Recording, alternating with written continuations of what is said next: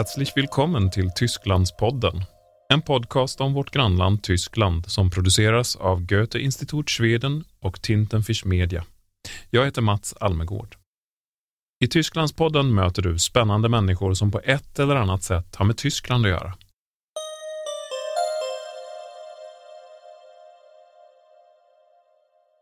I det 31 avsnittet av Tysklandspodden träffar vi Axel Englund som berättar om sin aktuella bok Mörkerstråk, lyrik och musik i det tyska 1900-talets skugga som är utgiven på Ellerströms förlag. Axel Englund är professor i litteraturvetenskap och eh, Wallenberg Academy Fellow vid Stockholms universitet. I boken Mörkerstråk gör Axel Englund närläsningar av poeterna Rainer Maria Rilke, Nelly Sachs, Paul Celan och Ingeborg Bachmann. Det främsta och kanske det enda verkligt giltiga skälet är att de, de skriver så oerhört starka dikter var och en på sitt sätt. Det är liksom poesi som har följt mig under hela mitt yrkesliv och som sitter liksom inetsad i hjärnan. Men när det gäller just musiktemat då som är fokus i boken så är, är de också diktare som sysselsätter sig med eh, olika traditioner som, som föregår dem och inte minst den tyska romantiska poesin då, där, där, där musiken spelar en central roll. Och det, det gör att musiken är väldigt stark närvaro i deras dikter och, som gjorde mig intresserad av att eh, titta närmare på det. Det är inte första gången Axel Englund skriver om skärningspunkten mellan musik och litteratur. Snarare kan man hävda att det är ett av hans verkliga specialområden som forskare. Alltså jag har alltid varit intresserad av bäggedera men när jag först utbildade mig så var det eh, inom musikvetenskap och komposition och musikteori. Så eh, när jag sen så att säga lämnade den världen för litteraturvetenskapen så behöll jag kopplingen till musiken. Och det är egentligen det som har eh, gjort att jag fastnat för det. Men sen är det ju ett extremt fascinerande och eh, mångfacetterat eh, gränsland just eh, där, där rösten på något sätt ofta är den förenande faktorn som en slags gemensam nämnare för litteraturen och musik. I inledningen till Mörkerstråk citerar Axel Englund Max Frisch som ger uttryck för en enorm förändring i hur han betraktar tyskarna och deras musikaliska arv efter Förintelsen. Ja, det kan man väl säga. Det är någon form av kulturell chock som finns där. Frisch skriver alltså så här då precis efter krigsslutet. Eh, många av oss höll sig länge till den trösterika missuppfattningen att det rörde sig om två slags människor i detta folk. Sådana som spelar Mozart och sådana som bränner upp människor. Att inse att båda kunde befinna sig i samma person, det var det verkligt skakande. Och det kan ju verka på något sätt väldigt naivt att tänka sig att Mozarts musik eller då i förlängningen det vi kallar för den, den klassiska musiken eh, skulle på något sätt generera eh, etiska eh, människor eller goda eh, egenskaper. Men det har varit en stark tanke som, som fortfarande finns kvar. Alltså musiken idealiseras som om den vore, eh, hade en inneboende godhet eller så. Och här är Mozart förstås ett särskilt bra exempel eftersom han så ofta mytologiseras just till ett slags representant för en andlig harmoni och ljus och för glädje. Och så. Men den här bilden av musiken blev ju då förstås eh, omöjlig eh, efter andra världskriget just för att Hitler-Tyskland instrumentaliserade den här musiktraditionen från Bach via Beethoven till Brahms och, förstås Wagner. Eh, så att Tysklands dominans så att säga i den klassiska musiken användes som ett slags kulturellt rättfärdigande av, av tanken på herrefolket. Det, det, den krocken bearbetas så att säga länge under efterkrigsdecennierna. Det påminner i viss mån om Theodor Adornos berömda yttrande om att det inte går att skriva dikter efter Auschwitz.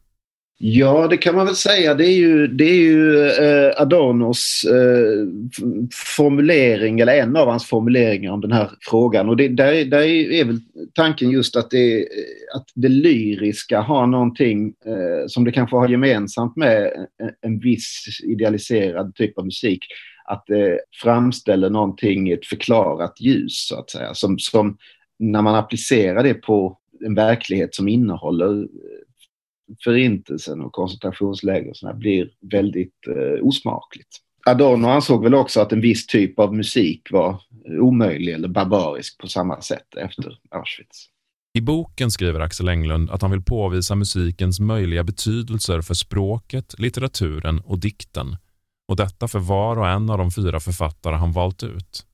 Jag ber honom berätta kort om hur han har gått tillväga.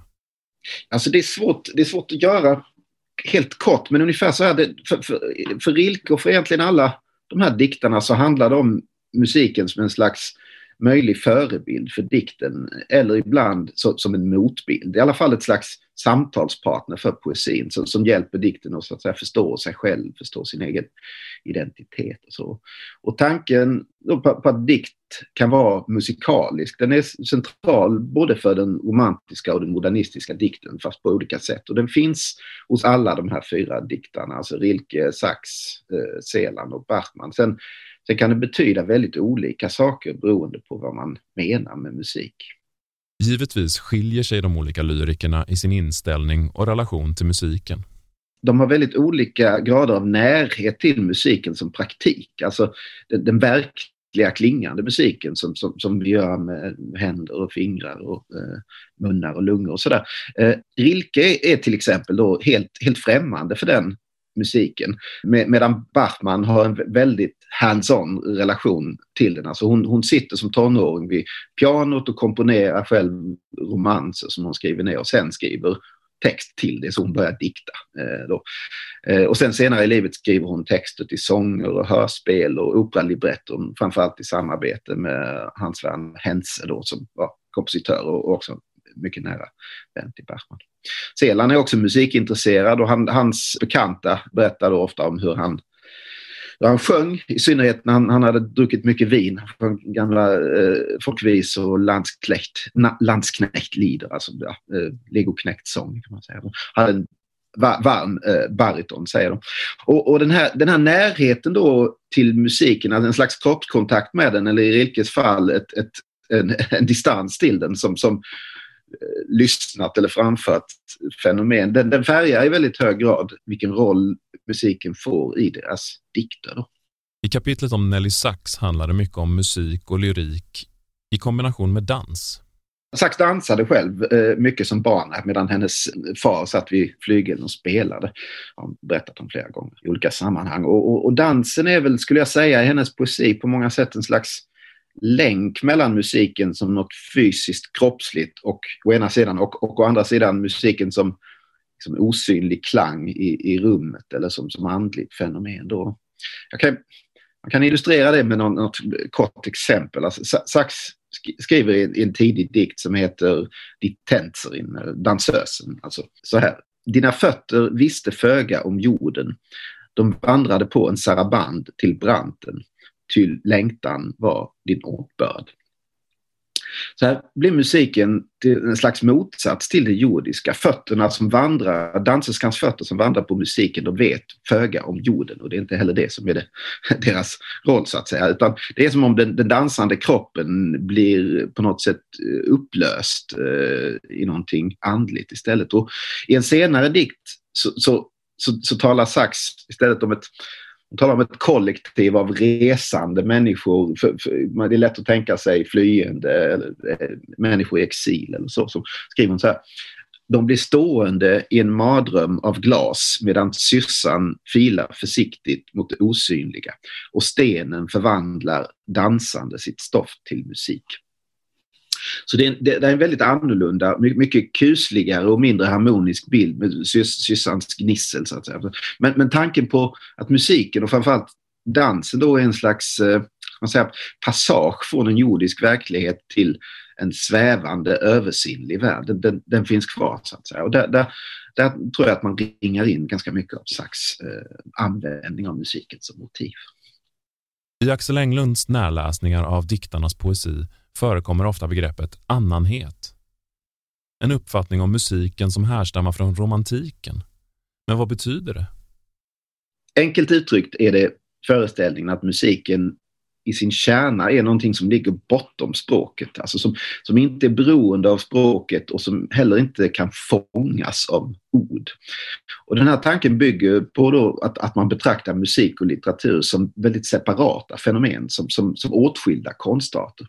Och det finns, det finns historiska skäl till att den dyker upp just mot slutet av 1700-talet. Nu, nu kommer en historisk liten miniföreläsning här. Så under, under större delen av kulturhistorien så har, har, litteraturen varit någonting muntligt. Alltså även när den finns nedskriven eller tryckt så läser man den högt eller, eller ännu hellre sjunger den. Men århundradena efter renässansen så ökar läskunnigheten enormt och, och så småningom växer bokmarknaden också fram och det bidrar till att tyst läsning blir ett utbrett fenomen. Och Så litteraturen avlägsnar sig plötsligt från musiken. Så att säga. Och på motsvarande sätt så har musiken i sin kärna varit vokal. Alltså, rent instrumental musik har existerat men inte egentligen betraktats som någonting intressant eller högt värderat.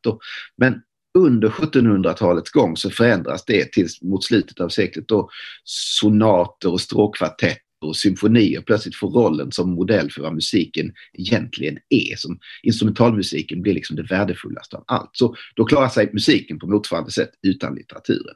Men, och det är det här som är det riktigt intressanta, då, i och med den här begreppsliga separationen, att musik och litteratur tänks som helt olika saker för första gången i historien. I och med detta så kan man börja längta efter en återförening, en slags förlorad ursprunglig helhet eller enhet av ord och ton. Och den längtan blir en drivande kraft i romantiken.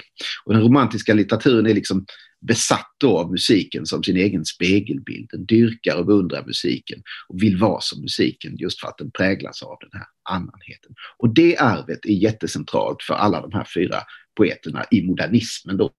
Och en i en annan sönderbruten form så håller de på att arbeta med den idén också. Under romantiken idealiserades musiken av författare och diktare och sågs som den högsta av alla konstformer. Men så är det inte riktigt för Rilke, Sachs, Celan och Bachmann. För modernismen och, i synnerhet då efter andra världskriget så har liksom möjligheten till den idealiseringen förstörts eller, eller krossats. Samtidigt då så sitter ändå, vad ska man säga, spillror av den här idealiseringen kvar i språket som, som, som, som sår eller någonting som behöver eh, bearbetas.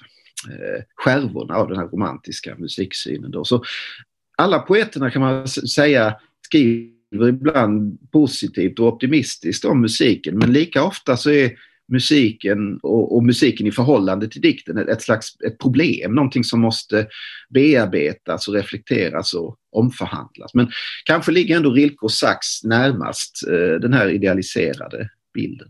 En av den tyska efterkrigslitteraturens mest lästa och spridda dikter är Paul Selands Todesfuge, Dödsfuga. Axel Englund menar att den är central om man vill förstå Selan och hans relation till musik.